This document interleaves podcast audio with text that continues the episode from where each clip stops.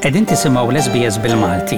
Isma' aktar stejjer interessanti f'sbs.com.au/maltese.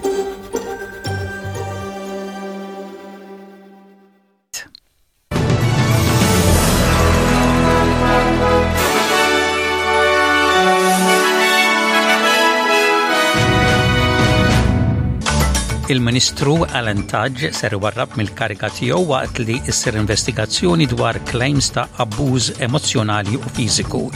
L-organizzazzjoni din hija tas-saħħa tistenna aktar informazzjoni dwar it-trasmissjoni tal-varjant il-ġdid tal-coronavirus u qed twissel il-pajjiżi biex ma jimponux ibbenjar komplut minħabba dan il-varjant.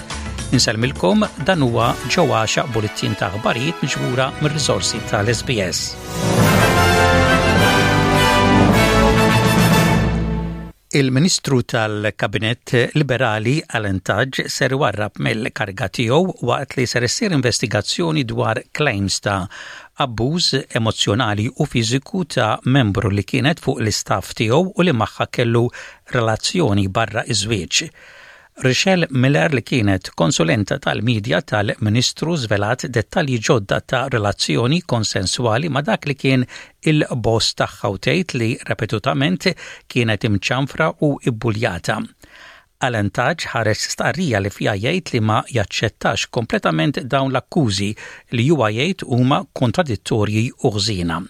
Waqt il-ħin tal-mistoqsijiet, il-Prim Ministru Scott Morrison ħabbar li l-Ministru ser iwarrab mill-kariga tiegħu biex il-kwistjonijiet imqajma jkunu indirizzati mid-dipartiment tiegħu. Given the seriousness of these claims that have been made by Ms Miller, it is important that these matters be resolved fairly and expeditiously. To this end, the Minister has agreed to my request to stand aside while these issues are addressed by my department through an independent and fair process. L-Organizzazzjoni Dinjija tas-Saħħa tgħid li tistenna aktar informazzjoni dwar it-trażmissjoni tal-varjant il-ġdid tal-coronavirus, Omicron, fi ftit ġranet oħra. Il-każi ta' dan il-virus issa nstabu f'tal-anqas 23 pajjiż. L-epidimoloġista ta' l-Organizzazzjoni Dinjija tas-Saħħa, Maria Van Kerkhove tgħid li l-perjodu ta' ġranet għal aktar informazzjoni minflok ġimgħat kif kien imbassar il-ġimgħa l-oħra huwa ħafna aħjar. But it is certainly possible that one of the scenarios is that the virus as it continues to evolve may still have a fitness advantage meaning that it could become more transmissible, um, more transmissible than Delta, we'll have to see. Um, but we don't know quite yet about the severity. Intant, l-Organizzazzjoni Dinija tas-Saħħa qed twissi lil pajjiżi biex ma jimponux ibbenjar komplut minħabba l-varjant il-ġdid tal-COVID Omicron waqt li qed tkompli r-riċerka dwar dan il-virus il-ġdid. It-tabib Niki Gumed Molezzi viroloġista reġjonali għal l-Organizzazzjoni Dinjija tas-Saħħa fl-Afrika ta' Isfel, minflok talbet li jkun hemm distribuzzjoni tal-vaċċin ugwali bejn il-pajjiżi. Hija qalet li sakemm nibqgħu naraw nuqqas ta' vaċċin f'ċerti pajjiżi ser nibqgħu naraw dawn il-varjanti tal-viruses li jaffettwaw pajjiżi mlaqqma.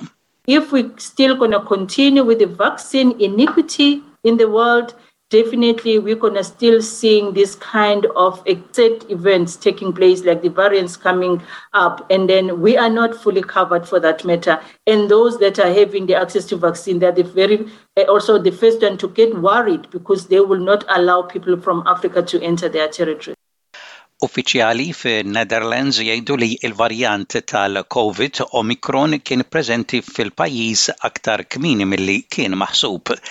Kien identifikat f'żewġ testijiet fil-pajjiż bejn it-dsatax u t-23 ta' Novembru li huwa qabel il-varjant kien irrappurtat fl-Afrika ta' Isfel. Il-Kap Mediku ta' l-Aġenzija ta' l-Unjoni Ewropea, Eimear Cook tgħid li r-riċerka għadha għaddejja dwar kemm huwa effettiv it-tilqim preżenti kontra l-Omicron u li jieħu madwar erba' xhur biex vaċċin ġdid ikun żviluppat kontra dan il-varjant il-ġdid. I think it's very important that we continue to give the message that the current vaccines provide protection and we need to ensure that those who are eligible for boosting get the booster doses. At the same time, we need to prepare in case there is a need to change uh, the current uh, vaccines. And that's work that the companies will do. They will have to look at adapting their formulations to include the new sequencing.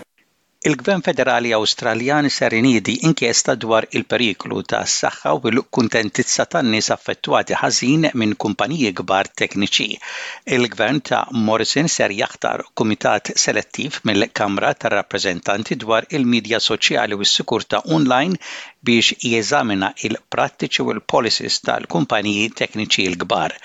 Il-Prim Ministru Scott Morrison jgħid li l-Awstralja għandha tieqaf lil dawn il-kumpaniji diġitali kbar. The online world has has is changing every single day. It's rapidly changing and and as parents and as as communities, as families, it's hard to keep up with it and it's hard to have confidence. that always that you can be safe online. It's important for young people. It's important particularly for women who are uh, some of the most uh, targeted for attacks and abuse and trolling uh, right across the country. But it doesn't stop there. It affects all people right across the community. Life Saving Victoria ħarġet ir-rapport annwali tagħha fl-ewwel ġurnata tas-sajf, is-sena l-oħra fil viktoria kien hemm 61 persuna li erqu. Il-Kummissarju tal-Immaniġġjar ta' l-Emerġenza Andrew Crisp jgħid li r-rapport fih statistika li hija inkwetanti u rridu nirrealizzaw x'qed jiġri madwarna b'dan in-numru ta' nies li jgħerqu ta' kull sena. F'Katanja il-Pulizija Taljana arrestaw 16-il persuna u ikkonfiskaw ma' l-423 kilogramma droga f'rejd kbir li sar dwar ċirku ta' traffikar ta' drogi bejn Malta u Sqallija. Fir-rejd ħadu sehem aktar minn mitt uffiċjal tal-Pulizija fi ħdan il-Guardia di Finanza u għadd ta' dipartimenti oħra involuti fil-ġlieda kontra t-traffikar tad-droga. L-arresti saru f'Katanja, f'Rakuża u f'Sirakuża, f'Kalabrija kif ukoll f'Malta. Rapporti fil-midja Taljana qalu li fost is-sittax-il persuna arrestati kien hemm Taljani, Albaniżi u Maltin.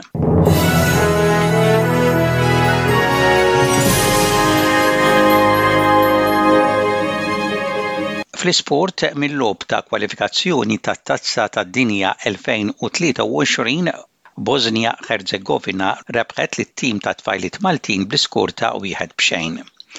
Il-plejers ta' Harbarians, Bjorn Kristiansen u Fernando Apap kellhom is-sospensjoni tagħhom imnaqqsa wara li l-klabb Pawlist kien appella quddiem il-Bord ta' l-Appelli tal-UEFA, Christiansen kellu s-sospensjoni tiegħu imnaqqsa minn ħames partiti għal erba' waqt li Apap minn erba' partiti issa ġie sospiż żewġ partiti.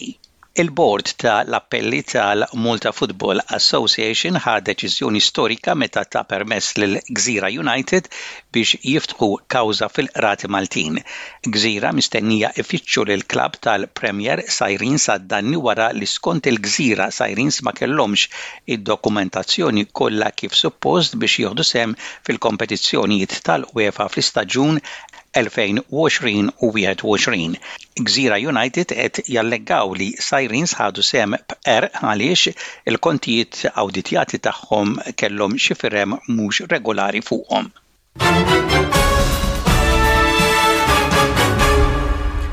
U intemmu dan il-bulletin ta' aħbarijiet bħarsa lejn ir-rapport ta' temp, temp xemx mistenni f'Perth, temp daqsxejn imsaħħab mistenni f'Adelaide, f'Melbourne, Sydney, Newcastle u Brisbane u ħalbit ta' xita mistennija f'Kembra, Wollongong, Cairns u Darwin.